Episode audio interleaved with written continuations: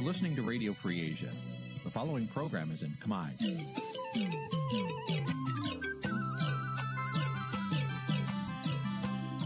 Nǐ ជាកម្មវិធីផ្សាយ Vuthu Azizi Serai នេះជាកម្មវិធីផ្សាយរបស់ Vuthu Azizi Serai ជាភាសាខ្មែរ Vuthu Azizi Serai សូមស្វាគមន៍លោកអ្នកនាងទាំងអស់ពីរដ្ឋធានី Washington នៃសហរដ្ឋអាមេរិក បាទពីរដ្ឋធានី Washington ខ្ញុំបាទសេកបណ្ឌិតសូមជម្រាបសួរអស់លោកអ្នកនាងកញ្ញាទាំងអស់ជាទីមេត្រីបាទយើងខ្ញុំសូមជូនកម្មវិធីផ្សាយសម្រាប់ព្រះត្រីថ្ងៃប្រហោះ10រោចខែបោះឆ្នាំឆ្លូវត្រីស័កពុទ្ធសករាជ2565បាទត្រូវនៅថ្ងៃទី27ខែមករាគ្រិស្តសករាជ2022បាទជាដំបូងនេះសូមអញ្ជើញអស់លោកអ្នកនាងស្ដាប់ព័ត៌មានប្រចាំថ្ងៃដែលមានមេតិការដូចតទៅ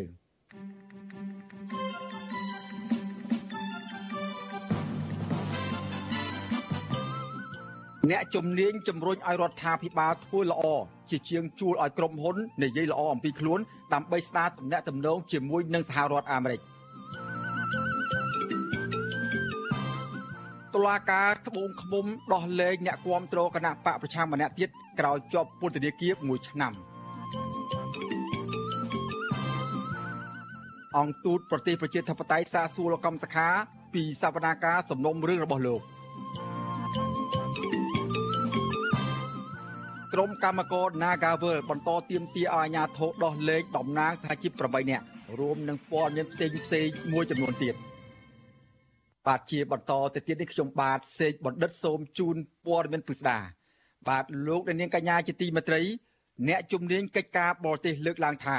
ករណីរដ្ឋាភិបាលកម្ពុជាចាយលុយជិត1លានដុល្លារជួលក្រុមហ៊ុនអាមេរិកឲ្យបញ្ចុះបញ្ចូលឬឲ្យនិយាយល្អអំពីខ្លួន បានបង្កើតចម្ងល់ដល់សហរដ្ឋអាមេរិកទៅវិញទេអត់ទោះយ៉ាងណាអ្នកនាំពាក្យគណៈបកកណ្ដាលអំណាចឆ្លើយតបថារដ្ឋាភិបាលកម្ពុជា បានព្យាយាមបង្កើតទំនាក់ទំនងល្អជាមួយនឹងអាមេរិកមិនមែនយកអាមេរិកធ្វើជាសត្រូវនោះឡើយបាទពីរដ្ឋធានី Washington អ្នកស្រីខែសំណងរាយការណ៍ជុំវិញព័ត៌មាននេះ អ្នកជំនាញកិច្ចការនយោបាយនិងការបរទេសរំលឹករដ្ឋាភិបាលកម្ពុជាថាទំនាក់ទំនងរវាងសហរដ្ឋអាមេរិកនិងកម្ពុជាមិនអាចប្រើលុយបាននោះទេប៉ុន្តែត្រូវទាមទារឲ្យមានចិត្តស្មោះនិងការអនុវត្តជាក់ស្ដែងដែលជាការស្ដារឡើងវិញនៅការគោរពសិទ្ធិមនុស្សប្រជាធិបតេយ្យនិងការធានាដែនអធិបតេយ្យភាពរបស់ខ្លួន សាស្ត្រាចារ្យវិទ្យាសាស្ត្រនយោបាយនិងកិច្ចការអន្តរជាតិលោកអែមសវណ្ណារាថាការចង់បានទំនាក់ទំនងជាមួយសហរដ្ឋអាមេរិកទាមទារឲ្យរដ្ឋាភិបាលកសាងទំនុកចិត្តល្អនឹងគ្នាលោកលើកឡើងទៀតថាប្រសិនរដ្ឋាភិបាលកម្ពុជានៅតែមិនងាកមកកែលម្អសិទ្ធិមនុស្សប្រជាធិបតេយ្យនិងការលាងជំរះតាក់ទងវត្តមានមូលដ្ឋានកងទ័ពចិននៅកំពង់ផែសមុទ្ររៀមខេត្តប្រស័យអនុនោះទំនាក់ទំនងនយោបាយការបរទេសនិងវិស័យពាណិជ្ជកម្មនឹងគ្មានភាពល្អប្រសើរឡើយនិយាយល្អហ្នឹងវាអត់គ្រប់គ្រាន់ទេតើតែធ្វើល្អបានគ្រប់គ្រាន់ព្រោះបើយើងពាក្យខ្មែរយើងថាយើងស្អាតតើតែយើងស្អាតហ្មងបើយើងគាត់ថាស្អាតហ្នឹងគេមិនជឿយើងទេគេមើលឃើញយើងមិនស្អាតឡើយហ្នឹងវាពាក់ព័ន្ធទៅនឹងភាពគេហៅថាជឿកសាងជំនឿទុកចិត្តគ្នាការផ្ដល់តម្លៃស្មើភាពគ្នាទៅវិញទៅមកឧទាហរណ៍នៅក្នុងតំណែងតំណងអញ្ចឹងកុំឲ្យមានការខ្នាំងគ្នាកុំឲ្យមានការសង្ស័យគ្នាអាហ្នឹងទើបវាអាចលុបបំបត្តិទៅលើឈានទៅរកតំណែងតំណងល្អការលើកឡើងរបស់អ្នកជំនាញកិច្ចការអន្តរជាតិបែបនេះធ្វើឡើងក្រោយពេលក្រសួងយុទ្ធភ័ពអាមេរិកកាលពីថ្ងៃទី21មករាឲ្យដឹងថារដ្ឋាភិបាលលោកហ៊ុនសែនចំណាយលុយជិត1លានដុល្លារជួលក្រុមហ៊ុនមេធាវីអាមេរិកកាំងឲ្យជួយបញ្ចុះបញ្ចូលរដ្ឋាភិបាលអាមេរិកដើម្បីស្ដារទំនាក់ទំនងប្រទេសទាំងពីរឡើងវិញ ប្រពន្ធដដាលលាតត្រដាងទៀតថារដ្ឋាភិបាលកម្ពុជាត្រូវបង់ថ្លៃចំនួន60000ដុល្លារក្នុងមួយខែគិតចាប់ពីថ្ងៃទី1ខែមករាឆ្នាំ2022រហូតដល់ថ្ងៃទី1ខែមករាឆ្នាំ2023ស្មើនឹងទឹកប្រាក់សរុប720,000ដុល្លារជាថ្នូរនឹងការផ្ដល់សេវាកម្មប្រឹក្សាក្នុងអ្វីមួយដែលភាគីទាំងពីរអះអាងថា ដើម្បីកសាងនឹងការយល់ដឹងអំពីគ្នា កាន់តែប្រសើរឡើង និងគូសបញ្ជាក់ ពីវិស័យដែលជាចំណាប់អារម្មណ៍រួមដើម្បីកសាងទំនាក់ទំនងថ្មីដែលបញ្ហានេះនឹងជួយធ្វើឲ្យជឿនលឿនទៅមុខនៃទំនាក់ទំនងទ្វេភាគីរវាងកម្ពុជា និងសហរដ្ឋអាមេរិកជុំវិញរឿងនេះវិទ្យុអសីស្រីមិនអាចសុំការបញ្ជាក់បន្ថែមពីអ្នកនាំពាក្យក្រសួងការបរទេសលោកជុំសន្តិរីនិងអ្នកនាំពាក្យរដ្ឋាភិបាលលោកផៃស៊ីផានបានទេនៅថ្ងៃទី27មករា ប៉ុន្តែអ្នកនាំពាក្យគណៈបកប្រជាជនកម្ពុជាលោកសុកអេសាននិយាយថាករណីនេះជាការឆ្លើយតបទៅនឹងការចោទប្រកាន់ទាំងឡាយណាដែលថាកម្ពុជាយកសហរដ្ឋអាមេរិកជាខ្មាំងសត្រូវមិនមែនការពិតឡើយលោកបន្តថាការចំណាយលុយដើម្បីជួលក្រុមហ៊ុនអាមេរិកពេលនេះគឺដើម្បីឲ្យរដ្ឋាភិបាលសហរដ្ឋអាមេរិកដឹងការពិត នៃចេតនារបស់រដ្ឋាភិបាលកម្ពុជាក្នុងការរក្សាទំនាក់ទំនងល្អជាមួយអាមេរិកចាត់ទុកអាមេរិកកាន់ជាខ្មាំងសត្រូវអីវាអត់ត្រូវទេឃើញទេបើសិនណាជាចាត់អាមេរិកកាន់ជាខ្មាំងសត្រូវមិនយករយកលុយរាប់ម៉ឺនដុល្លារទៅ lobby ដើម្បីធ្វើឲ្យទំនាក់ទំនងកម្ពុជាអាមេរិកមានលក្ខណៈល្អទេរដ្ឋកុំឲ្យជឿអ្នកញុងញងកុំឲ្យជឿប្រព័ន្ធផ្សព្វផ្សាយអឺមួយចំនួនដែលវាលំអៀងខាងនយោបាយចេះតែផ្សាយមិនពិតរឿងហ្នឹងអញ្ចឹងវាមានន័យអញ្ចឹងណា ទោះយ៉ាងណារដ្ឋាភិបាលកម្ពុជាធ្លាប់បរាជ័យម្ដងរួចហើយក្នុងការជួលក្រុមជំនាញឲ្យនិយាយពីខ្លួនកាលពីឆ្នាំ2018កាលនោះរដ្ឋាភិបាលបានចំណាយលុយ1លាន2សែនដុល្លារក្នុងមួយឆ្នាំមួយឆ្នាំជួលក្រុមហ៊ុនអាមេរិកឲ្យជួយបញ្ចុះបញ្ចូលរដ្ឋាភិបាលនិងសភាអាមេរិកកុំឲ្យធ្វើច្បាប់ដាក់ទណ្ឌកម្មមកលើរដ្ឋាភិបាលរបស់លោកហ៊ុនសែនផ្ទុយពីការរំពឹងទុកសហរដ្ឋអាមេរិកបានដាក់ទណ្ឌកម្មលើថ្នាក់ដឹកនាំរដ្ឋាភិបាលលោកហ៊ុនសែននិងអ្នកពាក់ព័ន្ធជាបន្តបន្ទាប់ លោកសាស្ត្រាចារ្យអែមសវណ្ណារាព្រួយបារម្ភថាបរដ្ឋាភិបាលកម្ពុជា នៅតែគ្មានទំនាក់ទំនងល្អជាមួយសហរដ្ឋអាមេរិកតទៅទៀតរដ្ឋាភិបាលកម្ពុជាអាចនឹងត្រូវសហរដ្ឋអាមេរិកដាក់ទណ្ឌកម្មបន្ថែមទៀតរួមទាំងការបន្តមិនផ្ដល់ប្រព័ន្ធអនុគ្រោះពន្ធទូទៅ GSP ជាដើមចានាងខ្ញុំខែសុណងវັດឈូអាស៊ីសេរីរាយការណ៍ពីរដ្ឋធានី Washington បាទលោកនាងកញ្ញាជាទីមេត្រីក្រុមអង្គការសង្គមស៊ីវិលកម្ពុជា និងមីយ៉ាន់ម៉ាជិត50ស្ថាប័នបានដាក់លិខិតចំហទៅលោកប្រធានាធិបតីសហរដ្ឋអាមេរិកលោកโจ Biden ស្នើសុំឲ្យដកមេដឹកនាំរបបសិទ្ធិភូមាចេញពីកិច្ចប្រជុំអាស៊ានអាមេរិកនៅពេលខាងមុខដោយដាក់មេដឹកនាំរដ្ឋាភិបាលបង្រួបបង្រួមជាតិឲ្យចូលរួមជំនួសវិញបាទលិខិតចំហរួមគ្នារបស់អង្គការសង្គមស៊ីវិលនេះក៏ជាកង្វល់ពីលោក ហ៊ុនសែននឹងទៅចូលរួមនៅក្នុងជុំនៅក្នុងកិច្ចប្រជុំកំពូលអាស៊ានអាមេរិកដែរសេចក្តីថ្លែងការណ៍បញ្ជាក់ថាលោកហ៊ុនសែនក៏ជានាយករដ្ឋមន្ត្រីបន្សពច្បាប់នៅកម្ពុជា ដែលកើតចេញពីការបោះឆ្នោតមិនគោរពតាមឆន្ទៈរាស្ត្រនិងគោរពតាមលទ្ធិប្រជាធិបតេយ្យពិតប្រាកដ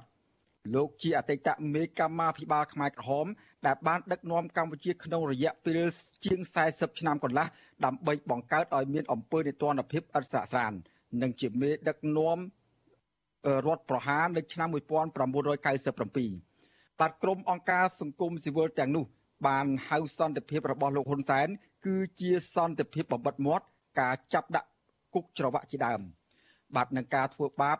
នឹងបាទនឹងការធ្វើឃាតនឹងការធ្វើឃាតកម្មទៅលើអ្នកប្រឆាំងនិងធ្វើឲ្យមានជនភៀសខ្លួននៅក្រៅប្រទេសជាដើម បានលិខិតចំហដដាលជំរុញឲ្យសហរដ្ឋអាមេរិកពិភាក្សាអំពីបញ្ហាប្រឈមរបស់កម្ពុជា ក្នុងនាមជាប្រធានអាស៊ាន និងជាការទទួលខុសត្រូវរបស់ខ្លួន ក្នុងនាមជាអ្នកដឹកនាំអាស៊ានធ្វើយ៉ាងណាអនុវត្តឲ្យបានគោលការណ៍ទាំង5ចំណុចរបស់អាស៊ាន ដែលបានឯកភាពគ្នាជាឯកច្ឆន្ទដើម្បីដោះស្រាយវិបត្តិនៅមីយ៉ាន់ម៉ានិងបញ្ហារំលោភសិទ្ធិមនុស្សនៅកម្ពុជាផងដែរ។ បាទក្រុមអង្គការសង្គមស៊ីវិលទាំងនោះបានចាត់ទុកដំណើរទស្សនកិច្ចរបស់លោកហ៊ុនសែនទៅកាន់ប្រទេសមេយ៉ាន់ម៉ាកាលពីថ្ងៃទី7កន្លងថ្ងៃទី7ខែមករាកន្លងមកនោះជាការបរាជ័យទាំងស្រុងដែលមេដឹកនាំរបបសឹកមិនបានអនុវត្តតាមកិច្ចព្រមព្រៀងជាមួយលោកហ៊ុនសែនលើបទឈប់បាញ់បានមកទល់នឹងពេលនេះអំពើហិង្សានៅតែកើតមាន ហើយមនុស្សស្លាប់យ៉ាងហោចណាស់ជិត1500នាក់និងជិត12000នាក់ ផ្សេងទៀតបានកំពុងជាប់ពន្ធនាគារបាទអង្គការសង្គមស៊ីវិលសង្ឃឹមថាលោកប្រធានាធិបតីសហរដ្ឋអាមេរិកនឹងពិចារណាលើស្ថានភាពរំលោភសិទ្ធិមនុស្សនៅកម្ពុជា និងនៅមីយ៉ាន់ម៉ាបាទពួកគេចាត់ទុកមេដឹកនាំរបបសិទ្ធិភូមាថាជាមេភេរវករដែលធ្វើសកម្មភាពសម្លាប់មនុស្សជាប្រព័ន្ធដែលជាឧក្រិដ្ឋកម្មប្រឆាំងនឹងមនុស្សជាតិ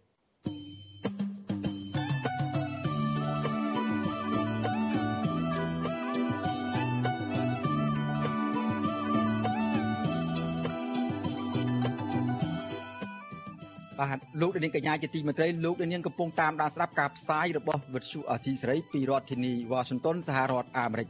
បាទកម្មវិធីផ្សាយរបស់វិទ្យុអាស៊ីសេរីក្រៅពីផ្សាយតាម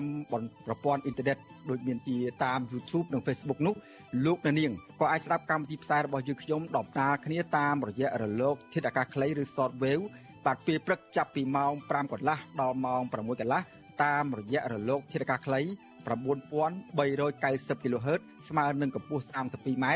និង11850 kHz ស្មើនឹងកម្ពស់ 25m បាទនៅពេលយប់ចាប់ពីម៉ោង7កន្លះដល់ម៉ោង8កន្លះតាមរយៈរលកធាតុអាកាសខ្លី9390 kHz ស្មើនឹងកម្ពស់ 32m និង15155 kHz ស្មើនឹងកម្ពស់ 20m បាទសូមអរគុណ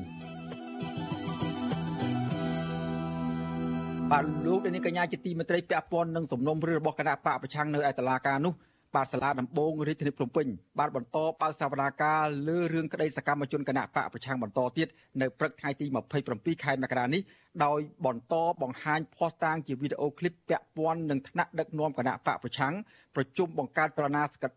ប្រជុំបង្កើតចលនាសង្គ្រោះជាតិនៅក្រៅប្រទេសកាលពីឆ្នាំ1918បាទសាច់ញាតិជនជាប់ចោតចាត់ទុក នីតិវិធីរបស់តុលាការបែបនេះថាជាការធ្វើបាបប្រជាពលរដ្ឋស្លូតត្រង់ដោយអយុត្តិធម៌និងមិនអាចទទួលយកបានឡើយបាទពីរដ្ឋធានី Washington អ្នកស្រីសុជីវីរាយការណ៍ជុំវិញព័ត៌មាននេះសវនកម្មលើកទី10នេះក៏មិនខុសពីសវនកម្មពេលមុនមុនដែរដោយមានជនជាប់ឃុំចំនួន13នាក់មានជាអាចលោកកៅថៃ លោកសុនធុនលោកយឹមសារ៉េតលោកជុំច័ន្ទនិងលោកញ៉ែមវៀនជាដើមសមត្ថកិច្ច បានដឹកពួកគាត់តាមរថយន្តពីពន្ធនាគារព្រៃសរមកចូលរួមនៅក្នុងសវនាការប្រធានក្រុមប្រឹក្សាជំនុំជម្រះតុលាការក្រុងភ្នំពេញលោករស់ពិសិដ្ឋមិនបានសួរដេញដោលលើសកម្មជនទាំងនោះទេដោយបន្តចាក់វីដេអូឃ្លីបពាក់ព័ន្ធនឹងការបង្កើតចលនាសង្គ្រោះជាតិរបស់អ្នកគាំទ្រនិងថ្នាក់ដឹកនាំគណៈបកប្រឆាំងដដែលប្រធានក្រុមប្រឹក្សាជំនុំជម្រះរូបនេះក៏បង្គាប់ឲ្យក្រឡាបញ្ជីបង្ហាញភ័ស្តុតាងមួយទៀតដែលពាក់ព័ន្ធនឹងការសន្ទនាតាមទូរស័ព្ទ របស់ជនជាប់ចោតចំនួន3នាក់ដែលបាននិយាយរិះគន់រដ្ឋាភិបាលអំពីវិធានការទប់ស្កាត់ការរាតត្បាតជំងឺ Covid-19 កាលពីឆ្នាំ2020បន្ទាប់ពីចាក់បង្ហាញវីដេអូចប់ហើយចៅក្រមរស់ពិសិដ្ឋក៏បានបិទបញ្ចប់សវនាការនៅជិតម៉ោង12ថ្ងៃត្រង់នៅមុនពេលបញ្ចប់សវនាការនេះលោកកៅថៃ បន្តស្នើសុំតុលាការអនុញ្ញាតឲ្យគ្រូពេទ្យរបស់អង្គការលីកាដូចូលព្យាបាលជនជាប់ឃុំដល់ពន្ធនាគារ លោកបញ្ជាក់ថាលោកនិងសកម្មជនមួយចំនួនទៀតធ្លាក់ខ្លួនឈឺនិងខ្លះទៀតមានជំងឺប្រចាំកាយដែលត្រូវការគ្រូពេទ្យព្យាបាលឲ្យបានទៀងទាត់ឆ្លើយតបនឹងការស្នើសុំនេះចៅក្រមរស់ពិសិដ្ឋមិនជំទាស់នោះទេដោយលោកណែនាំឲ្យគ្រូពេទ្យអង្គការលីកាដូតាក់ទងទៅខាងពន្ធនាគារដោយខ្លួនឯងតុលាការនឹងបន្តសវនកម្មសំណុំរឿងនេះជាថ្មីទៀតនៅថ្ងៃទី24ខែកុម្ភៈខាងមុខ សមត្ថកិច្ចបានដឹកជនជាប់ចោតទៅពន្ធនាគារព្រៃសរក្រោយពេលចប់សវនកម្មសវនកម្មនៅខែក្រោយនេះគឺជាការធ្វើសេចក្តីសន្និដ្ឋានការពីរបស់មេធាវី និងតំណាងអัยការព្រមទាំងការធ្វើសំណុំពររបស់ជនជាប់ចោតទាំងអស់ទោះជាយ៉ាងណាមេធាវីការពីក្តីឲ្យសកម្មជនគណបកប្រឆាំងលោកសំសុគង្គយល់ថាការស្ដាប់វីដេអូរបស់កូនក្តីនេះគឺជាការរំលោភសិទ្ធិឯកជន ដែលសិទ្ធិនេះ ត្រូវបានធានាដោយរដ្ឋធម្មនុញ្ញបន្ថែមពីនេះលោកមើលឃើញថាភ័ស្តុតាងជាវីដេអូឃ្លីបដែលតុលាការចាក់បង្ហាញនោះមិនមានទំនាក់ទំនងអ្វីជាមួយនឹងកូនក្តីរបស់លោកនោះទេ គឺជារឿងផ្សេងពីគ្នាដោយសារវាចែកដាច់ពីគ្នារវាងថ្នាក់ដឹកនាំគណៈបកជាតិនិងពួកគាត់ក្រោយពីគណៈបកសង្គ្រោះជាតិត្រូវបានរំលាយពួកគាត់ក៏មានសកម្មភាពនយោបាយដែរប៉ុន្តែអ្វីដែលគាត់បានលើកឡើងគាត់ share គាត់ផុសក្នុង Facebook របស់គាត់ហ្នឹងគឺជាសិទ្ធិក្នុងការបញ្ចេញមតិពួកគាត់ក្នុងនាមជាប្រវត្តិជាប្រជាពលរដ្ឋខ្មែរសវនកម្មនេះមានការចូលរួមឃ្លាំមើលពីតំណាងទូតសហភាពអឺរ៉ុបតំណាងអង្គការសហប្រជាជាតិទទួលបន្ទុកសិទ្ធិមនុស្ស ក្រុមអង្គការសង្គមស៊ីវិលនិងសាច់ញាតិរបស់ជនជាប់ចោតជាច្រើននាក់ចំណែកនៅខាងក្រៅរបងតុលាការវិញអាជ្ញាធរបានដាក់ពង្រាយកងកម្លាំងជាច្រើននាក់ប៉ុន្តែមិនមានក្រុមគ្រួសាររបស់មន្ត្រីបកប្រឆាំងនិងអ្នកគាំទ្រឃ្លាំមើលសវនកម្មដោយពេលមុននោះទេប្រពន្ធសកម្មជនគណៈបកសង្គ្រោះជាតិលោកយឹមសារ៉េតគឺលោកស្រីអុកចន្ទធីប្រាប់វិទ្យុអាស៊ីសេរីក្រោយចប់សវនកម្មថាភ័ស្តុតាងដែលតុលាការបង្ហាញនោះ គឺជាការរៀបចំដើម្បីទម្លាក់កំហុសមកលើប្តីរបស់លោកស្រី និងសកម្មជនដទៃទៀតដោយអយុត្តិធម៌មិនអាចទទួលយកបានឡើយលោកស្រីចាត់ទុកនីតិវិធីរបស់តុលាការបែបនេះជាការសម្ដែងល្ខោនលេងសើចដើម្បីបោះសម្អាតអ្នកដែលមាននិន្នាការផ្ទុយពីរដ្ឋាភិបាលឯកបកនេះតែប៉ុណ្ណោះគឺខ្ញុំមានការឈឺចាប់ខ្លាំងណាស់មិនថាគ្រួសារខ្ញុំទេគឺគ្រួសារអ្នកជាប់ឃុំទាំងអស់គឺពិតជារងអយុត្តិធម៌ខ្លាំងបំផុត ដែលមិនអាចទទួលយកបានដោយសារជីវភាពគ្រួសារពួកខ្ញុំម្នាក់ម្នាក់មានការខ្វះខាតដោយខ្ញុំសពថ្ងៃនេះគឺរោគមួយខែទប់ទល់មួយខែគឺអត់គ្រប់ទេគឺដោយសារខ្ញុំនឹងឡើងមកសវនាការរៀងរាល់សប្តាហ៍ដើម្បីចង់ដឹងថាតើតឡាការនឹងគាត់កាត់ទោសប្តីខ្ញុំយ៉ាងម៉េចហើយគាត់ចោទថាប្តីខ្ញុំមិនមានកំហុសអីពិតប្រាកដដែលយកគាត់ទៅឃុំឃាំងទាំងអយុត្តិធម៌អស់72ឆ្នាំមកនេះ វិទ្យុអាស៊ីសេរីមិនអាចតាក់ទងแนะនាំពាក្យសាលាដំបងរាជធានីភ្នំពេញលោកអ៊ីរិនដើម្បីសូមអត្ថាធិប្បាយជុំវិញបញ្ហានេះបានទេ នៅថ្ងៃទី13ខែមករាជុំវិញរឿងនេះប្រធានសមាគមការពារសិទ្ធិមនុស្សអាត6លោកនីសុខា នៅតែមើលឃើញថារឿងក្តីក្តាមនេះជាការធ្វើទុកបុកម្នេញផ្នែកនយោបាយដោយភ្ជាប់សាច់រឿងរបស់ពួកគេមកចាត់វិធានការតាមផ្លូវតុលាការលោកយល់ថាដើម្បីដោះស្រាយបញ្ចប់បញ្ហានេះ មានតែមេដឹកនាំគណៈបកកណ្ដាលអំណាចនិងគណៈបកប្រឆាំងងាកមកចរចាត្រូវរើគ្នាដើម្បីប្រយោជន៍ជាតិនិងសេចក្តីសុខរបស់ពលរដ្ឋ អានឹងវាជាជាងយើងខិតខំប្រឹងប្រែងយករឿងនយោបាយទៅឲ្យប្រព័ន្ធតឡាការដោះស្រាយវាធ្វើឲ្យប្រទេសកម្ពុជាយើងថាតែប្រព័ន្ធយុទ្ធសាស្ត្រយើងកាន់តែរងភាពអាម៉ាស់ទៅរងភាពអាម៉ាស់ទៅពិសេសគឺថាមានការកាន់តែរិះគន់កាន់តែធ្ងន់ធ្ងរទៅធ្ងន់ធ្ងរទៅពីសំណាក់ទាំងមតិជាតិទាំងមតិអន្តរជាតិដែលគឺមើលឃើញថាប្រព័ន្ធយុទ្ធសាស្ត្រយើងមិនឯករាជ្យនៅក្រៅអធិបុលអ្នកនយោបាយអីអីហោហែហ្នឹងឯងបើសិនជាយើងចេះតែខំបន្តឲ្យប្រព័ន្ធយុទ្ធសាស្ត្រយើងកាន់តែនេះទៅណាបាទហ្នឹងវាធ្វើឲ្យប្រព័ន្ធយុទ្ធសាស្ត្រហ្នឹងកាន់តែបាត់តម្លៃទៅវិញទេសាលាដំបងរាជធានីភ្នំពេញបានចោទប្រកាន់សកម្មជនបកប្រឆាំងចំនួន42នាក់ពីបទរួមគំនិតក្បត់និងញុះញង់ពាក់ព័ន្ធនឹងដំណើរមាតុភូមិនិវត្តរបស់លោកសំរងស៊ីកាលពីចុងឆ្នាំ2019តុលាការគ្រងនឹងបញ្ចប់ការសួរដេញដោលសំណុំរឿងនេះនៅចុងខែកុម្ភៈខាងមុខអង្គការសង្គមស៊ីវិលជាតិនិងអន្តរជាតិជាច្រើនស្ថាប័នចាត់ទុករឿងក្តីក្តាំនេះថាជាការធ្វើទុកបុកម្នេញផ្នែកនយោបាយ និងស្នើឲ្យតុលាការទម្លាក់ចោលការចោទប្រកាន់និងដោះលែងជនជាប់ឃុំទាំងនោះឲ្យមានសេរីភាពវិញដោយឥតលក្ខខណ្ឌនាងខ្ញុំសូជីវីវិទ្យុអាស៊ីសេរីពីរដ្ឋធានី Washington បាទលោកនាងកញ្ញាជាទីមេត្រីលោកនាងកំពុងតាមដានស្ដាប់ការផ្សាយរបស់វិទ្យុអស៊ីសេរីពីរដ្ឋធានី Washington សហរដ្ឋអាមេរិកបាទពាក់ព័ន្ធនឹងសំណុំរឿងសកម្មជនគណៈបកប្រឆាំងនេះដែរតុលាការខេត្តត្បូងឃ្មុំសម្រេចដោះលែង សមាជិកក្រុមស្ត្រីថ្ងៃសុកនិងជាអ្នកគាំទ្រគណៈបកសង្គ្រោះជាតិលោកស្រីខនតុនឲ្យមានសេរីភាពមកវិញហើយនៅថ្ងៃទី27ខែមករានេះក្រោយពីបានជាប់ឃុំក្នុងពន្ធនាគារគ្រប់ចំនួនកំណត់រយៈពេល1ឆ្នាំបាទអ្នកស្រីខនតុនថ្លែងប្រាប់វិទ្យុអាស៊ីសេរីក្រោយចេញពីពន្ធនាគារថា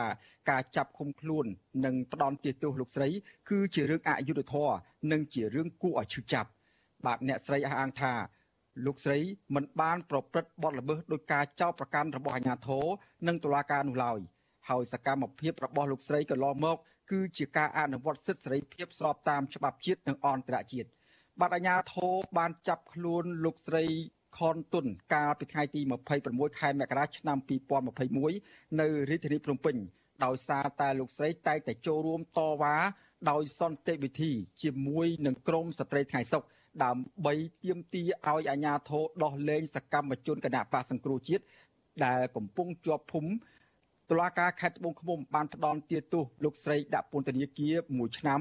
និងពិន័យជាប្រាក់ចំនួន2លានរៀលពីបទសំគំនិតក្នុងអំពើញុះញង់ឲ្យបង្កឲ្យមានភាពពឹកពោធ្ងន់ធ្ងរដល់សន្តិសុខសង្គមបាទទោះជាធ្លាប់ជាប់ពន្ធនាគារយ៉ាងនេះក្តីលោកស្រីខនតុនដែលជាពលរដ្ឋខេត្តត្បូងឃ្មុំហាងថា លោកស្រីនឹងមិនបោះបង់ចោលសកម្មភាពតវ៉ាដោយសន្តិវិធីជាមួយនឹងក្រមស្ត្រីថ្ងៃសុកដើម្បីទាមទាររកយុត្តិធម៌សង្គមនោះឡើយ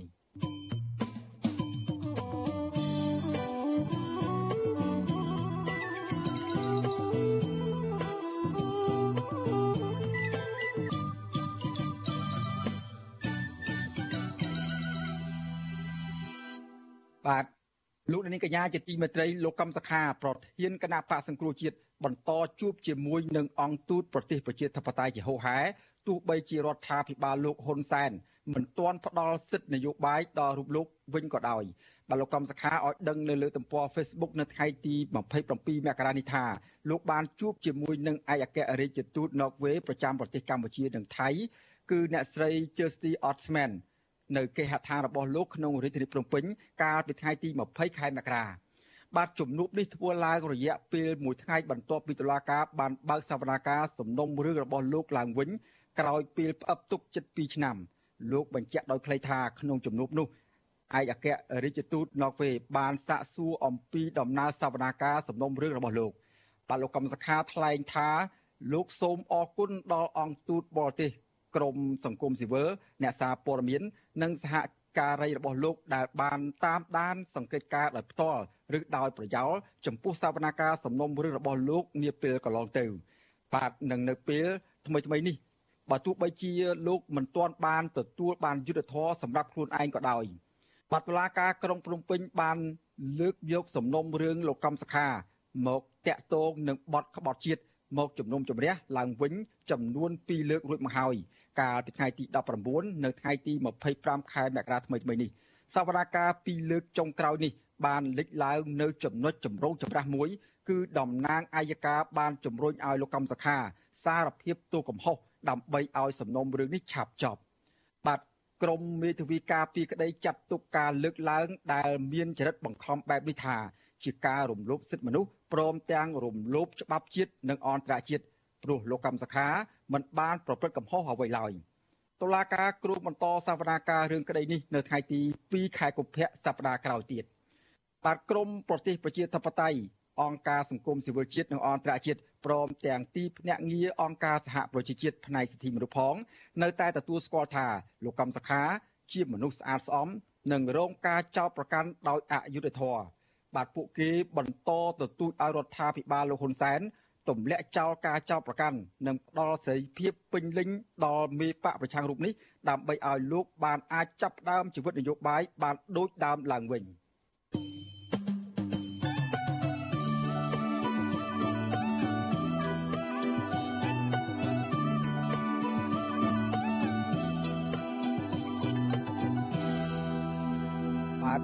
កនាងកញ្ញាជាទីមេត្រីលោកនាងកំពុងតាមដានស្ដាប់ការផ្សាយរបស់វិទ្យុអស៊ីសេរីពីរដ្ឋធានី Washington សហរដ្ឋអាមេរិកបាទពាក់ព័ន្ធនឹងការរៀបចំបោះឆ្នោតក្រុងប្រសាឃុំសង្កាត់នៅពេលខាងមុខនេះវិញ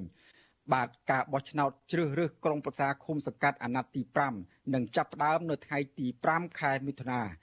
ក៏ប៉ុន្តែគណៈបកនយោបាយជាច្រើន ក្រៅពីគណៈបកកណ្ដាលអំណាចសុទ្ធតែជួបបញ្ហាប្រឈមជាច្រើន ទាំងបញ្ហាការធ្វើទុកបុកម្នេញពីអាជ្ញាធរនៅតាមមូលដ្ឋាន និងបញ្ហានៃបរិយាកាសនយោបាយទូទៅ ដែលមិនសូវអំណោយផលដល់ការបោះឆ្នោតសេរីត្រឹមត្រូវនិងយុត្តិធម៌បាទបើគណៈបកនយោបាយទាំងនោះជួបបញ្ហាបែបនេះតើពួកគាត់មានជំហរបែបណា នៅមុនការបោះឆ្នោតក្រុមប្រឹក្សាឃុំសង្កាត់ចូលមកដល់នោះ បាទសូមលោកនាងរងចាំស្ដាប់និងទស្សនាកិច្ចពិភាក្សាដោយផ្ទាល់ជុំវិញរឿងនេះជាមួយនឹងតំណាងគណៈបកនយោបាយជាពិសេសគឺមានគណៈបកប្រជាធិបតេយ្យមូលដ្ឋានជាដើម និងគណៈបកខ្មែរស្រឡាញ់ខ្មែរដែលកម្មវិធីសម្ភាសកិច្ចពិភាក្សានេះនឹងសម្របសម្រួលដោយលោកមូលរ៉េតនៅពេលខាងមុខនេះបាទសូមអរគុណ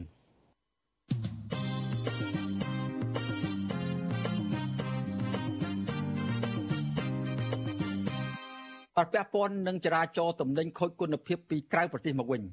បាទមន្ត្រីនាយកដ្ឋានកម្មគងត្រូលនិងប្រជាពលរដ្ឋទទួលស្គាល់ថាបន្លែផ្លែឈើនិងត្រីសាច់ដែលដាក់លក់នៅតាមទីផ្សារភាគច្រើនប្រើសារធាតុគីមីដើម្បីធ្វើឲ្យស្រស់ល្អនិងទុកបានយូរបាទតើការទទួលទានចំណីអាហារមានជាតិគីមីច្រើនផ្ដល់ផលវិបាកអ្វីខ្លះដល់សុខភាពបាទលោកនាងនឹងបានស្ដាប់សេចក្តីរាយការណ៍ពិស្ដារអំពីរឿងនេះនាពេលបន្តិចទៀតនេះបាទសូមអរគុណ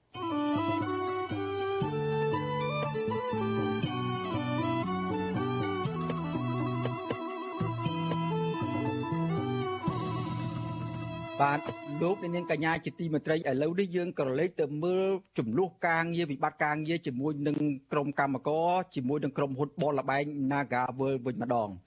បាទក្រុមហ៊ុនកម្ម ក្រុមកម្មករ Nagavel បន្តធ្វើកោតកម្មនៅកំណត់ផ្លូវរដ្ឋសភាក្បែរស្ថានទូតអូស្ត្រាលីអស់រយៈពេល41ថ្ងៃហើយ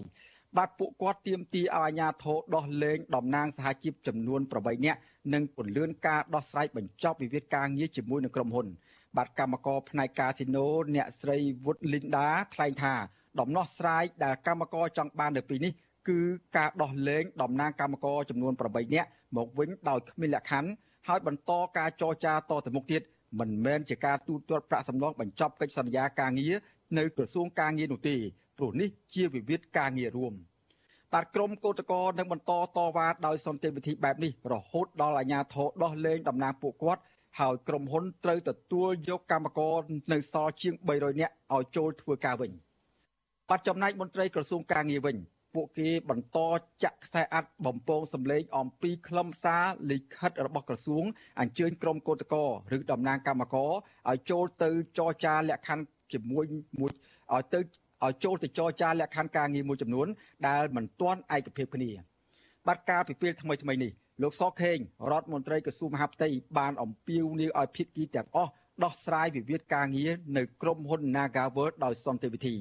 បាទលោកស្នើឲ្យក្រសួងការងារនិងអាជ្ញាធរពាក់ព័ន្ធទាំងអស់រក្សាភាពអត់ធ្មត់និងសម្របសម្រួលករណីនេះឲ្យបានឆាប់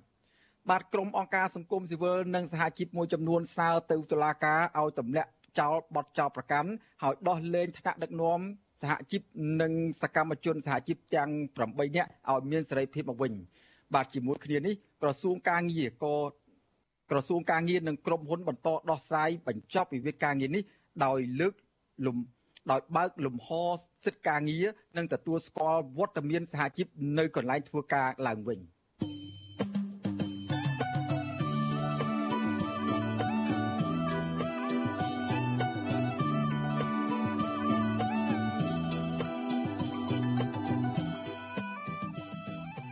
បាទ លោកនាងកញ្ញាជាទីមេត្រីលោកនាងកំពុងតាមដានស្ដាប់ការផ្សាយរបស់វិទ្យុអាស៊ីសេរីពីរដ្ឋធានី Washington សហរដ្ឋអាមេរិកបាទក្រៅពីស្ដាប់ការផ្សាយរបស់យើងខ្ញុំតាមរយៈបណ្ដាញសង្គម Facebook និង YouTube នោះលោកនាងក៏អាចតាមដានស្ដាប់ការផ្សាយរបស់យើងដំណើរគ្នាតាមរយៈបណ្ដាញរលកធាតុអាកាសខ្លី Shortwave គឺពេលព្រឹកចាប់ពីម៉ោង5កន្លះដល់ម៉ោង6កន្លះតាមរយៈរលកធាតុអាកាសខ្លី9390 kHz ស្មើនឹងកម្ពស់ 32m និង11850 kHz ស្មើនឹងកម្ពស់ 25m បាទនៅពេលយប់ចាប់ពីម៉ោង7កន្លះដល់ម៉ោង8កន្លះតាមរយៈរលកវិទ្យុធាតុអាកាសខ្លី9390 kHz ស្មើនឹងកម្ពស់ 32m និង15155 kHz ស្មើនឹងកម្ពស់ 20m បាទសូមអរគុណ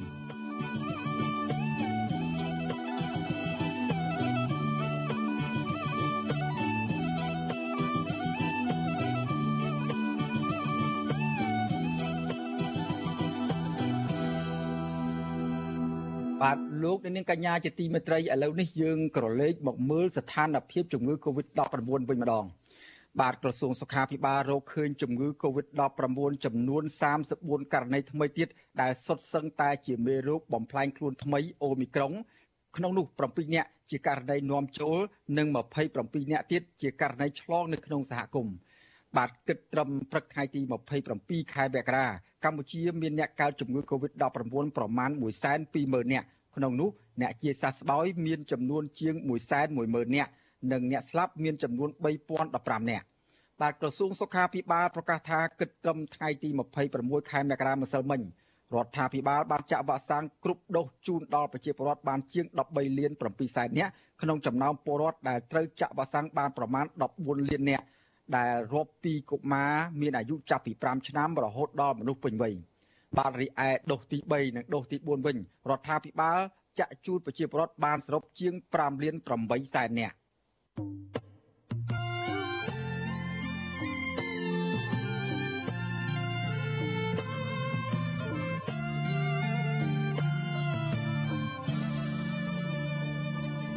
បាទសេចក្តីរាយការណ៍ជាបន្តទៀតនេះយើងក៏លេចទៅមើលស្ថានភាពអភិវឌ្ឍនៅតំបន់ខេត្តជាប់មាត់សមុទ្រឯនោះវិញបាទប្រជានេសាទខេត្តប្រសេនុខកចិត្តចំពោះអភិបាលខេត្តលោកគូចម្រើន ដែលបានចាក់ដីលុបតំបន់ឆ្នេររៀមធ្វើឲ្យប៉ះពាល់ដល់ឆ្នេរធម្មជាតិនិងកន្លែងនេសាទរបស់ពួកគាត់ បាទសកម្មភាពបែបនេះ ធ្វើឲ្យពួកគាត់មានការមិនសប្បាយចិត្តនិងធ្វើឲ្យប៉ះពាល់ដល់ជីវភាពរស់នៅរបស់ពួកគាត់បាទសកម្មជនបរិស្ថានរិះគន់ថាការលុបឆ្នេរនេះតែងតែប៉ះពាល់ដល់មុខរបរនេសាទនិងសម្បត្តិធម្មជាតិបាទសូមស្ដាប់សេចក្តីរាយបាទសូមស្ដាប់សូមទស្សនាសេចក្តីរាយការណ៍របស់អ្នកស្រីសុជីវីជុំវិញរឿងនេះ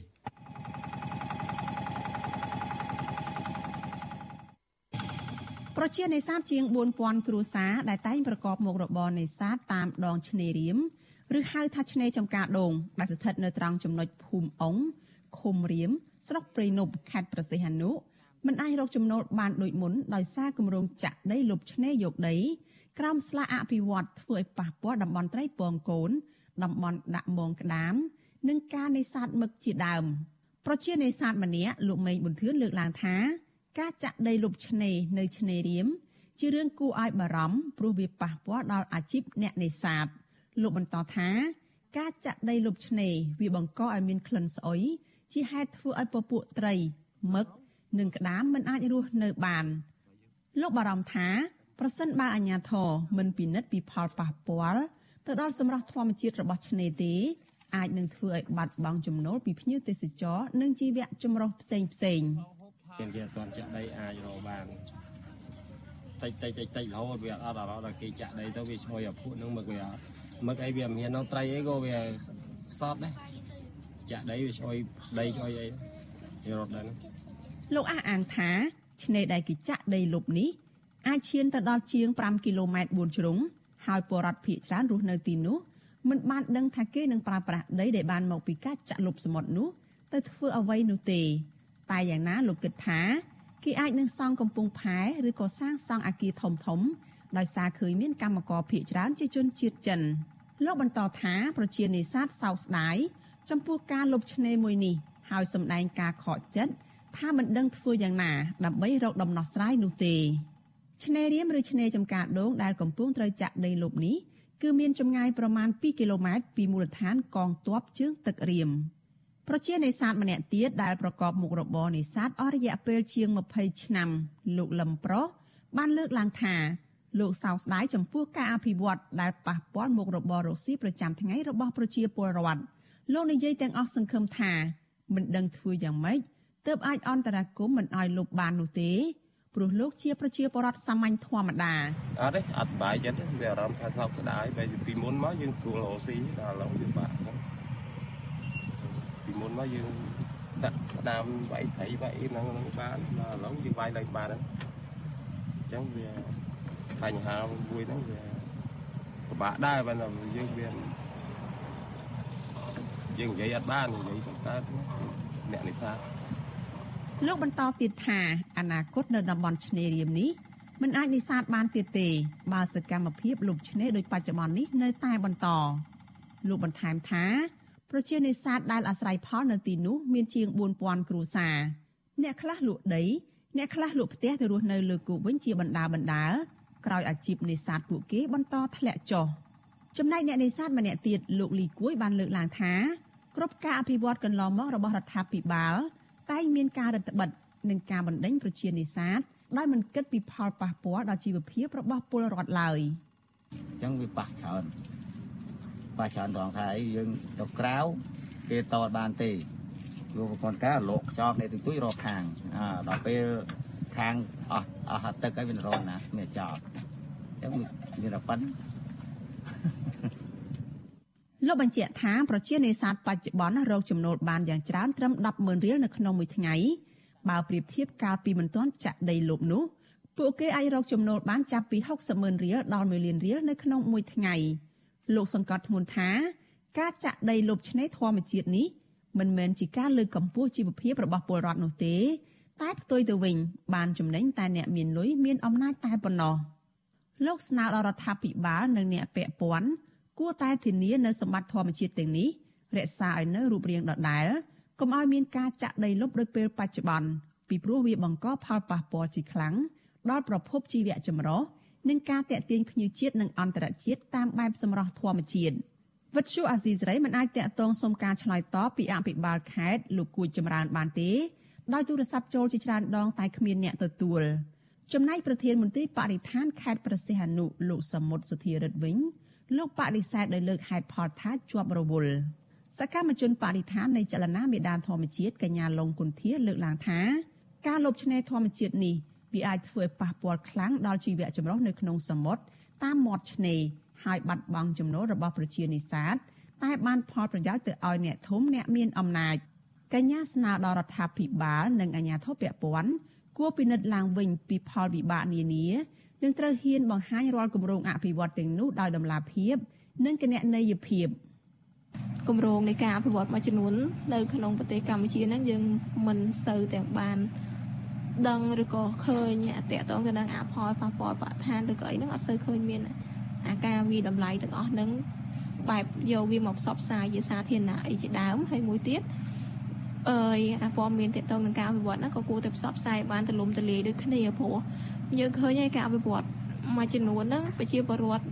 នៅក្នុងប្រទេសកម្ពុជាអ្នកដែលនៅមូលដ្ឋានហ្នឹងដែលត្រូវជាចំតំបន់អភិវឌ្ឍហ្នឹងគឺគាត់អ្នកខ្លះគាត់មិនទាំងដឹង អំពីអាគម្រោងទាំងអស់នឹងផងអាការអភិវឌ្ឍនឹងឯតទៅដល់ចេញគម្រោងឬក៏ដល់ពេលគេទៅអភិវឌ្ឍទៅធ្វើអីនៅតំបន់ហ្នឹងហ្មងបានគាត់ដឹងអីអញ្ចឹងណាខេត្តប្រសេះអនុជាខេត្តដែលមានជនជាតិចិនមករស់នៅនិងវិនិយោគច្រើន ជាពិសេសរកស៊ីបើកបនលបែងកាស៊ីណូច្រើនជាងគេនៅកម្ពុជា នៅក្នុងខេត្តប្រសេះអនុអាគារធំធំជាច្រើនស្អេកស្កះ ត្រូវបានគេសាងសង់ឡើងយ៉ាងឆាប់នៅក្នុងរយៈពេលប្រមាណឆ្នាំចុងក្រោយនេះកាលពីថ្ងៃទី18ខែមករាកន្លងទៅនេះលោកហ៊ុនសែនបានយកខេត្តមួយនេះជាតំបន់បើកវេទិកាទេសចរអាស៊ានផងដែរតែយ៉ាងណាសកម្មជនបរិស្ថានអះអាងថាខេត្តប្រសិទ្ធអនុក៏ជាខេត្តដែលមានការរំលោភសិទ្ធិមនុស្សនិងសម្បត្តិធនធានធម្មជាតិនោះច្រើនជាងគេដែរនាងខ្ញុំសុជីវីវិទ្យុអាស៊ីសេរី ពីរដ្ឋធានី Washington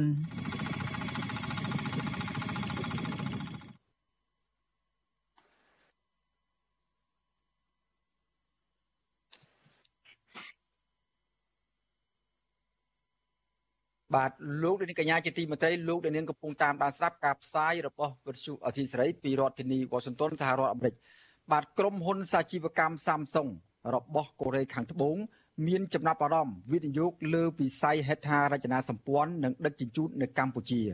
បាទការលើកឡើងនេះធ្វើឡើងក្នុងជំនួបមន្ត្រីក្រសួងសាធារណការនិងដឹកជញ្ជូនជាមួយនឹងគណៈប្រតិភូក្រុមហ៊ុនសាជីវកម្ម Samsung ដឹកនាំដោយលោកហាន់យ៉ុងសុកតាមប្រព័ន្ធវីដេអូកាលពីថ្ងៃទី24ខែមករាបាទកម្ពុជាបានស្នើឲ្យក្រុមហ៊ុនសាជីវកម្ម Samsung ពិនិត្យលទ្ធភាពវិនិយោគលើការអភិវឌ្ឍផ្លូវល្បឿនលឿន ដោយវិទ្យុបាយដឹកជញ្ជូនសាធារណៈនិងកំពង់ផែជាដើមបាទរដ្ឋមន្ត្រីក្រសួងសាធារណការនិងដឹកជញ្ជូនថានេះជាពេលវេលាមួយសមស្របដែលក្រុមហ៊ុនកូរ៉េខាងត្បូងវិនិយោគលើវិស័យហេដ្ឋារចនាសម្ព័ន្ធនិងដឹកជញ្ជូនដើម្បីកាត់បន្ថយតម្លៃនិងអាចឲ្យកម្ពុជាអាចប្រកួតប្រជែងជាមួយនឹងប្រទេសជិតខាងបាន រួមមានវៀតណាម និងប្រទេសថៃជាដើមបាទទោះបីជាក្រុមហ៊ុននេះមិនបានបញ្ជាក់ពីចំនួនទឹកប្រាក់ក៏ដោយ ក៏ក្រមអ្នកសេដ្ឋកិច្ចរំពឹងថានឹងអាចមានវិសាលភាពច្រើនលើសលប់បាទកម្ពុជានិងកូរ៉េខាងត្បូងបានចុះកិច្ចព្រមព្រៀងពាណិជ្ជកម្មសេរីរវាងប្រទេសទាំងពីរកាលពីថ្ងៃទី26ខែតុលាឆ្នាំ2021បាទពាណិជ្ជកម្មទ្វេភាគីកម្ពុជាកូរ៉េក្នុងឆ្នាំ2021មានទឹកប្រាក់ជិត1000លានដុល្លារ កើនឡើង8%បើធៀបទៅនឹងឆ្នាំ2020ក្នុងនោះចំនួនទឹកប្រាក់នាំចេញរបស់កម្ពុជាបានកើនជិត10%និងការនាំចូលកើនជាង7%បាទក្នុងឆ្នាំ2021កម្ពុជានាំចេញទំនិញទៅកាន់ទីផ្សារកូរ៉េមានចំនួនទឹកប្រាក់ជាង340លានដុល្លារកើនឡើងជាង7%ពីចំនួន318លានដុល្លារនៅឆ្នាំ2020បាទចំណែកការនាំទំនិញពីប្រទេសកូរ៉េខាងត្បូងចូលមកកម្ពុជាវិញ គឺមានទឹកប្រាក់ចំនួន623លានដុល្លារក្នុងឆ្នាំ2021គឺកើនឡើងជិត10%ពីចំនួន560ពីចំនួន567លានដុល្លារនៅឆ្នាំ2020បាត់ទិន្នន័យក្នុងក្រមប្រឹក្សាអភិវឌ្ឍកម្ពុជាបានឲ្យដឹងថាគិតត្រឹមឆមាសទី1ឆ្នាំ2021ការវិនិយោគផ្ទាល់ របស់បរទេសនៅកម្ពុជាមានទឹកប្រាក់សរុបចំនួន39,000លានដុល្លារក្នុងនោះប្រទេសកូរ៉េជាប់លេខ2ដោយមានទឹកប្រាក់សរុបជាង4,000លានដុល្លារតាមពីក្រោយប្រទេសចិនដែលមានទឹកប្រាក់សរុបជាង17,000លានដុល្លារ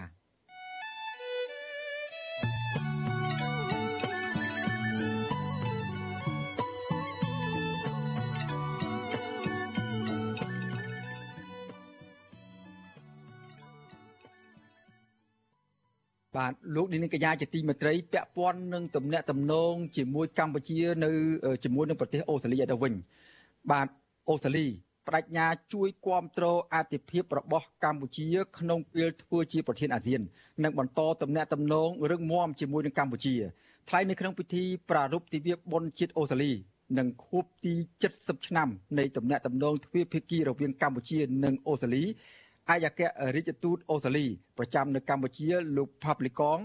មានប្រសាសន៍ថាអូស្ត្រាលីរីករាយរងចាំជួយគាំទ្រជាអធិភាពរបស់កម្ពុជានៅក្នុងឆ្នាំដែលកម្ពុជាធ្វើជាប្រធានអាស៊ាន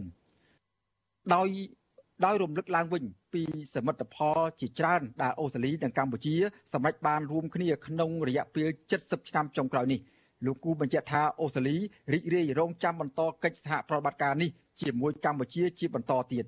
កម្ពុជានិងអូស្ត្រាលីប្រារព្ធខួបទីប្រារព្ធខួបទី70ឆ្នាំនៃទំនាក់ទំនងទ្វេភាគីនៅក្នុងឆ្នាំ2022នេះបាទលោកប៉ាបលូកងក៏សម្គាល់ថាអូស្ត្រាលីកំពុងធ្វើការជាមួយកម្ពុជាដើម្បីពង្រឹងទំនាក់ទំនងនិងធ្វើឲ្យប្រសើរឡើងនៅកំណើនសេដ្ឋកិច្ចប្រកបដោយចីរភាព និងរក្សាស្ថិរភាពនិងលទ្ធិប្រជាធិបតេយ្យបាទអូស្ត្រាលីបានចូលរួមចំណែកជួយគាំទ្រកម្ពុជាតាមរយៈវិស័យជាច្រើន ជាពិសេសវិស័យអប់រំកសិកម្មនិងការជួយនាំមកនូវសន្តិភាពដល់កម្ពុជាកាលពីឆ្នាំ1991បាទចាប់តាំងពីឆ្នាំ1994មកអូស្ត្រាលីបានផ្ដល់អាហារូបករណ៍ដល់និស្សិតកម្ពុជាជិត1000នាក់បាទទៅសិក្សានៅប្រទេសអូស្ត្រាលីនិស្សិតកម្ពុជា មានប្រមាណជាង20000នាក់បានចុះឈ្មោះសិក្សានៅប្រទេសអូស្ត្រាលីតាមកម្មវិធីផ្សេងៗក្រៅពីនេះជនជាតិអូស្ត្រាលីជិត70000នាក់ មានដើមកំណត់ខ្មែរកំពុងចូលរួមចំណែកយ៉ាងខ្លាំងដល់លទ្ធិប្រជាធិបតេយ្យពហុពហុវប្បធម៌នៅប្រទេសអូស្ត្រាលីបាត់ទិនបាត់ទន្ទឹមគ្នានេះដែរអូស្ត្រាលីក៏បានជួយគ្រប់គ្រងប្រព័ន្ធសុខាភិបាលនៅកម្ពុជាអស់រយៈពេលជាយូរមកហើយជាពិសេសនៅក្នុងអំឡុងពេលមានជំងឺរាតត្បាតនៃ COVID-19 បាទប្រទេសអូស្ត្រាលីបានផ្ដល់ថវិកាចំនួនជាង35លានដុល្លារ ដើម្បីជួយដល់ការទទួលបានវ៉ាក់សាំងនិងជួយដល់យុទ្ធនាការចាក់វ៉ាក់សាំងថ្នាក់ជាតិនៅកម្ពុជា បាទក្នុងនោះវ៉ាក់សាំង Pfizer BioNTech ចំនួនជាង2លានដូសគឺជាជំនួយរបស់ប្រទេសអូស្ត្រាលី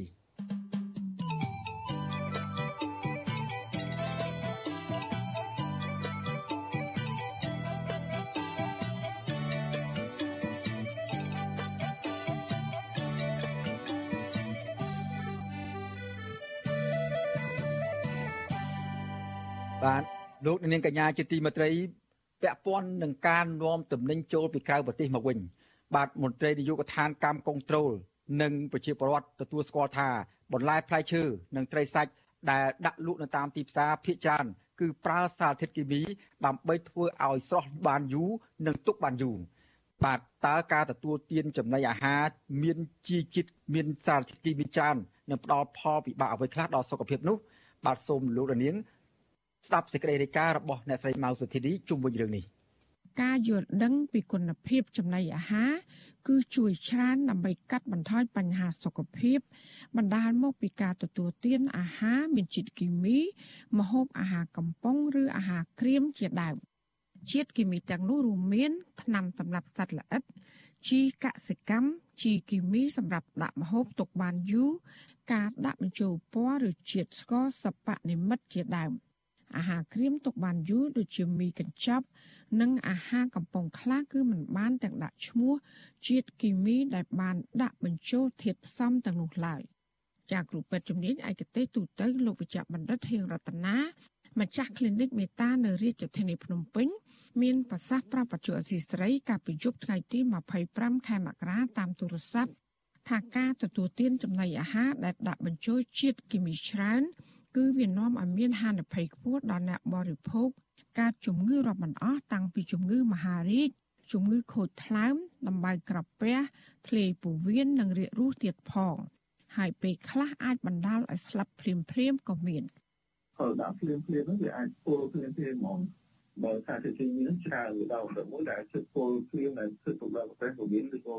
សរីរាង្គយើងខាងក្នុងនឹងពុលភ្លាមភ្លាម ទីមួយក៏វា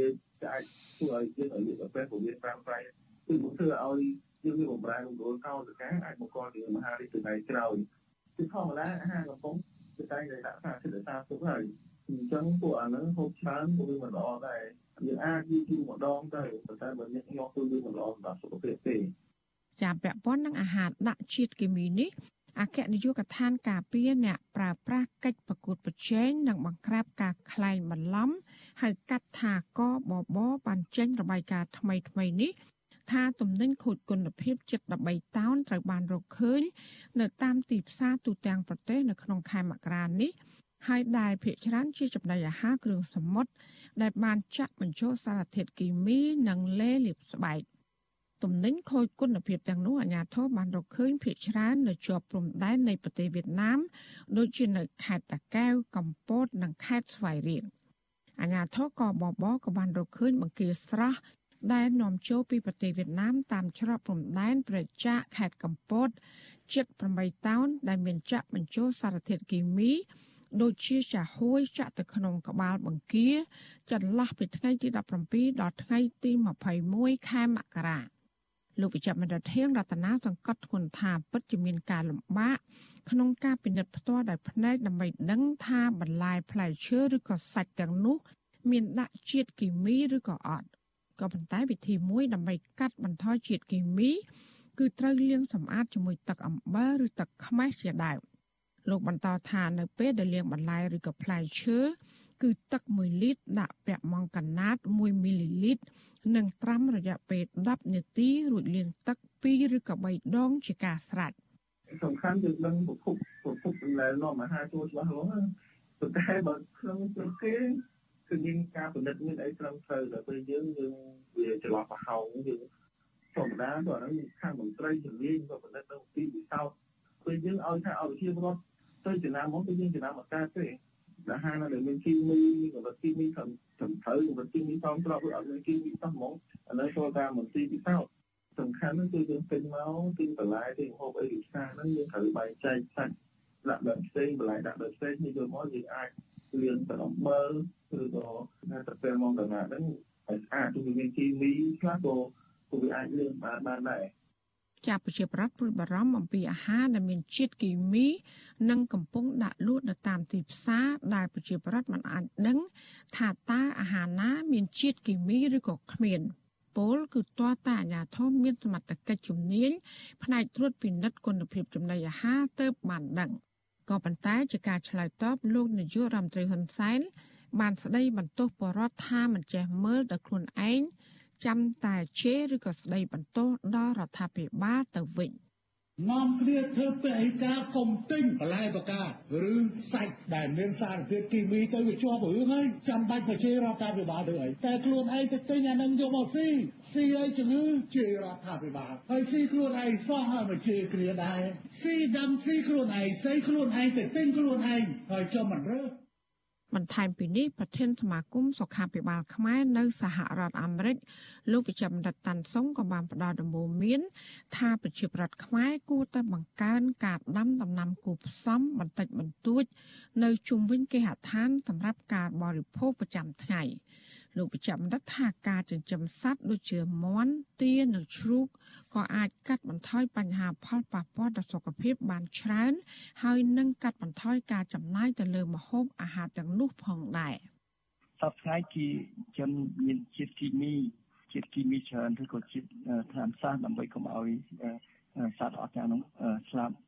ហើយក៏អ្នកខ្លះបានធំធាត់បានច្រើនមានសាច់ច្រើនដើម្បីយើងញ៉ាំដូច្នេះនឹងឲ្យប៉ះពាល់ដល់សុខភាពដូច្នេះបើយើងអាចមានលទ្ធភាពតាមខ្លួនឯងនៅមានអត្រាជាតិគីមីសោះបានដែរក៏ប៉ុន្តែខ្ញុំមិនដឹងឲ្យពិបាកគឺថាម្ហូបអាហារដែលធ្វើដោយអត់មានជាតិគីមីសោះវាថ្លៃដូច្នេះដើម្បីការពារកុំឲ្យមានអស់នោះយើងថាយើងត្រូវជំរឿខ្លួនឯងរបស់យើងអាចវាថោកប៉ុន្តែយើងមកដល់ផ្ទះយើងឆ្នៃវាទៅលាងឲ្យវាស្អាតពិសាកុំឲ្យញ៉ាំឆៅ ចាលាងឲ្យច្រើនដងដើម្បីឲ្យវាជ្រះនៅជាតិគីមីអស់ទាំងនោះប្រការដែលបន្លែផ្លែឈើសរីរាង្គមានតម្លៃខ្ពស់នេះគឺជាមូលហេតុចម្បងធ្វើឲ្យប្រជាពលរដ្ឋក្រីក្រមិនអាចមានលទ្ធភាពទិញសម្រាប់យកទៅបរិភោគបានឡើយបើទោះបីជាពួកគេដឹងថាចំណីអាហារទាំងនោះ មានជាតិគីមីនាំឲ្យប៉ះពាល់ខ្លាំងដល់សុខភាពក៏ដោយ។ ការប្រើសារធាតុគីមីខុសវិធីដោយយកមកលេបផ្សំក្នុងចំណីអាហារនោះរួមមាន អ្នកលក់ខ្លះប្រើទឹកបន្សាដាក់ប្រហិតឲ្យស្វិតខ្លះប្រើម្សៅសដាក់ប្រហុកដាក់សណ្ដែកបណ្ដុះឬក៏ស្លឹកគ្រៃឲ្យវាសស្អាត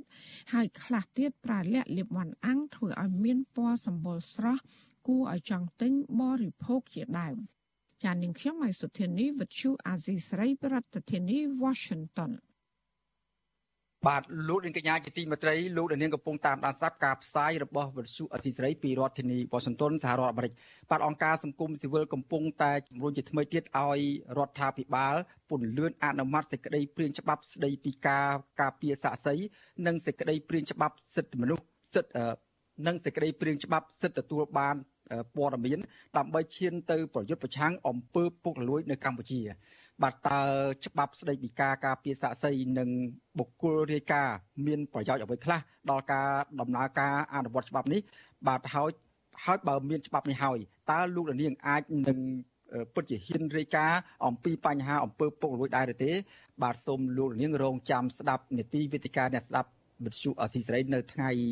សុក្រខាងមុខនេះដែលជជែកអំពីបញ្ហានេះបើសិនជាលោកនាងមានបំណងចង់ចូលរួម សួរវាគ្មិនឬក៏បញ្ចេញមតិយោបល់ជុំវិញបញ្ហានេះសូមលោកនាងដាក់លេខទូរស័ព្ទនៅក្នុងខ្ទង់ comment ដែលកំពុងផ្សាយផ្ទាល់នៅរាត្រីថ្ងៃសុក្រខាងមុខនេះក្រុមការងាររបស់វិទ្យុអស៊ីសេរីនឹងហៅត្រឡប់ទៅលោកអ្នកវិញបាទសូមអរគុណ thank you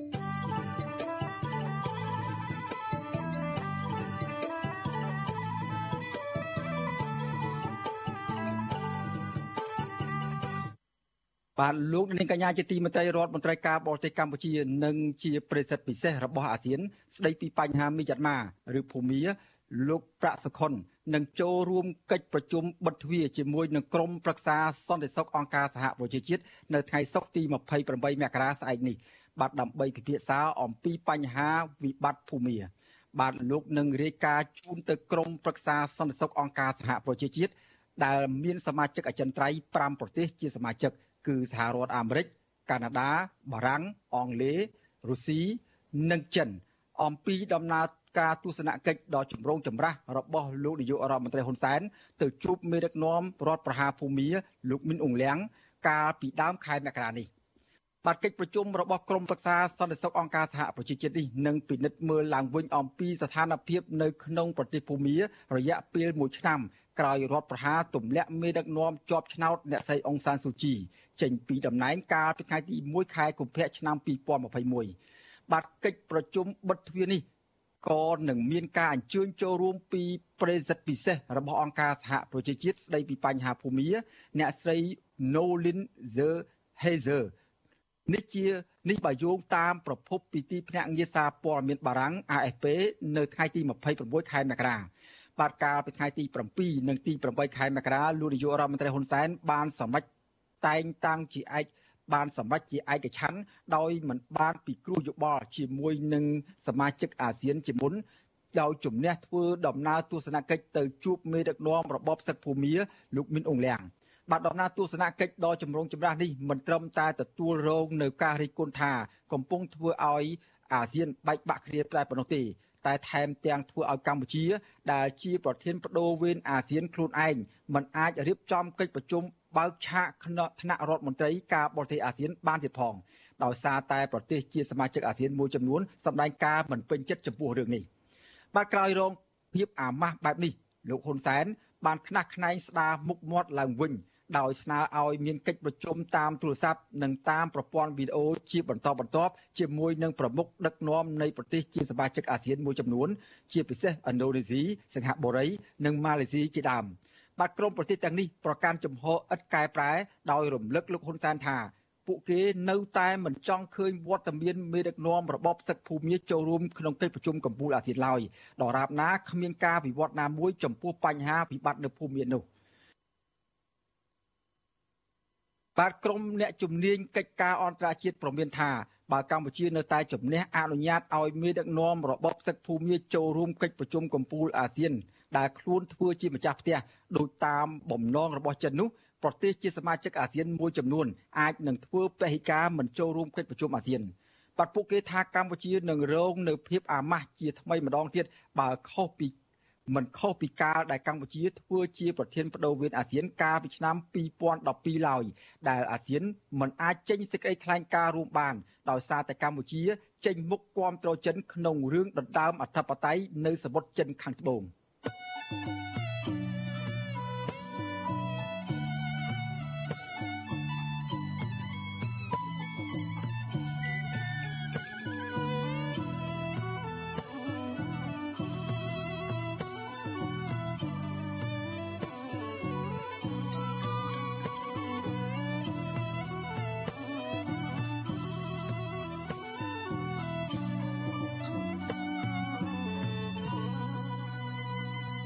លោកនាងកញ្ញាជាទីមេត្រីពាក់ព័ន្ធនឹងតំណែងតំណងកម្ពុជាអាមេរិកវិញ បាទក្រមអ្នកជំនាញកិច្ចការបរទេសលើកឡើងថាករណីរដ្ឋាភិបាលកម្ពុជាចាយលុយជិត1លានដុល្លារដើម្បីជួលឲ្យក្រុមហ៊ុនអាមេរិកឲ្យបញ្ចុះបញ្ចូលឬក៏និយាយល្អអំពីខ្លួនបានបង្កើតជាចម្ងល់ដល់សហរដ្ឋអាមេរិកទៅវិញទេបាទទោះយ៉ាងណាអ្នកនាំពាក្យគណៈបកកណ្ដាលអំណាចឆ្លើយតបថារដ្ឋាភិបាលកម្ពុជា បានព្យាយាមបង្កើតតំណែងតំណងល្អជាមួយនឹងអាមេរិកមិនមែនយកអាមេរិកធ្វើជាសត្រូវនោះឡើយបាទពីរដ្ឋធានីវ៉ាស៊ីនតោនអ្នកស្រីខែសំណងមានសេចក្តីរាយការណ៍អំពីរឿងនេះអ្នកជំនាញកិច្ចការនយោបាយនិងការបរទេសរំលឹករដ្ឋាភិបាលកម្ពុជាថាទំនាក់ទំនងរវាងសហរដ្ឋអាមេរិកនិងកម្ពុជាមិនអាចប្រើលុយបាននោះទេប៉ុន្តែត្រូវទាមទារឲ្យមានចិត្តស្មោះនិងការអនុវត្តជាក់ស្ដែងដែលជាការស្ដារឡើងវិញនៅការគោរពសិទ្ធិមនុស្ស ប្រជាធិបតេយ្យនិងការធានាដែនអធិបតេយ្យភាពរបស់ខ្លួនសាស្ត្រាចារ្យវិទ្យាសាស្ត្រនយោបាយនិងកិច្ចការអន្តរជាតិលោកអែមសវណ្ណារាថាការចង់បានទំនាក់ទំនងជាមួយសហរដ្ឋអាមេរិកទាមទារឲ្យរដ្ឋាភិបាលកសាងទំនុកចិត្តល្អនឹងគ្នាលោកលើកឡើងទៀតថាប្រសិនរដ្ឋាភិបាលកម្ពុជានៅតែមិនងាកមកកែលម្អសិទ្ធិមនុស្ស ប្រជាធិបតេយ្យនិងការលាងជម្រះតាក់ទងវត្តមានមូលដ្ឋានកងទ័ពចិននៅកំពង់ផែសមុទ្ររៀមខេត្តប្រសេនុនោះទំនាក់ទំនងនយោបាយការបរទេសនិងវិស័យពាណិជ្ជកម្មនឹងគ្មានភាពល្អប្រសើរឡើយនិយាយល្អហ្នឹងវាអត់គ្រប់គ្រាន់ទេតលតែធ្វើល្អបានគ្រប់គ្រាន់ព្រោះបើយើងពាក្យខ្មែរយើងថាយើងស្អាតតលតែយើងស្អាតហ្មងបើយើងគាត់ថាស្អាតហ្នឹងគេមិនជឿយើងទេគេមើលឃើញយើងមិនស្អាតឡើយហ្នឹងវាពាក់ព័ន្ធទៅនឹងភាពគេហៅថាជឿកសាងជំនឿទុកចិត្តគ្នាការផ្ដល់តម្លៃស្មើភាពគ្នាទៅវិញទៅមកឧទាហរណ៍នៅក្នុងតំណែងតំណងអញ្ចឹងកុំឲ្យមានការខ្នាំងខ្នើគ្នាកុំឲ្យមានការសង្ស័យគ្នាអាហ្នឹងទើបវាអាចលុបបំបាត់ទៅរឈានទៅរកតំណែងតំណងល្អការលើកឡើងរបស់អ្នកជំនាញកិច្ចការអន្តរជាតិបែបនេះធ្វើឡើងក្រោយពេលក្រសួងយុទ្ធភ័ពអាមេរិកកាលពីថ្ងៃទី21មករាឲ្យដឹងថារដ្ឋាភិបាលលោកហ៊ុនសែនចំណាយលុយជិត1លានដុល្លារជួលក្រុមហ៊ុនមេធាវីអាមេរិកកាំងឲ្យជួយបញ្ចុះបញ្ចូលរដ្ឋាភិបាលអាមេរិកដើម្បីស្ដារទំនាក់ទំនងប្រទេសទាំងពីរឡើងវិញ ប្រពន្ធដដាលលាតត្រដាងទៀតថារដ្ឋាភិបាលកម្ពុជា